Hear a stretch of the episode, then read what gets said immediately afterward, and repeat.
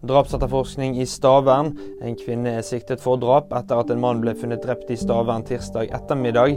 Politiet melder onsdag morgen at kvinnen fremdeles ikke er pågrepet. Avdøde og siktede er omkring 50 år og norske statsborgere. Politiet ber folk i Agder la bilen stå.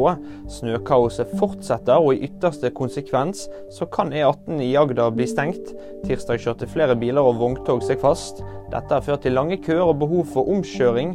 I tillegg er skoler i flere kommuner på Sørlandet stengt onsdag.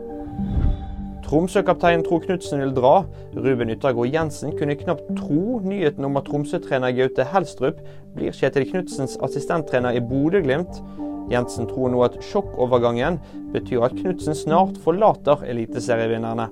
Det var VG-nyhetene. Husk at du alltid finner nyheter på VG.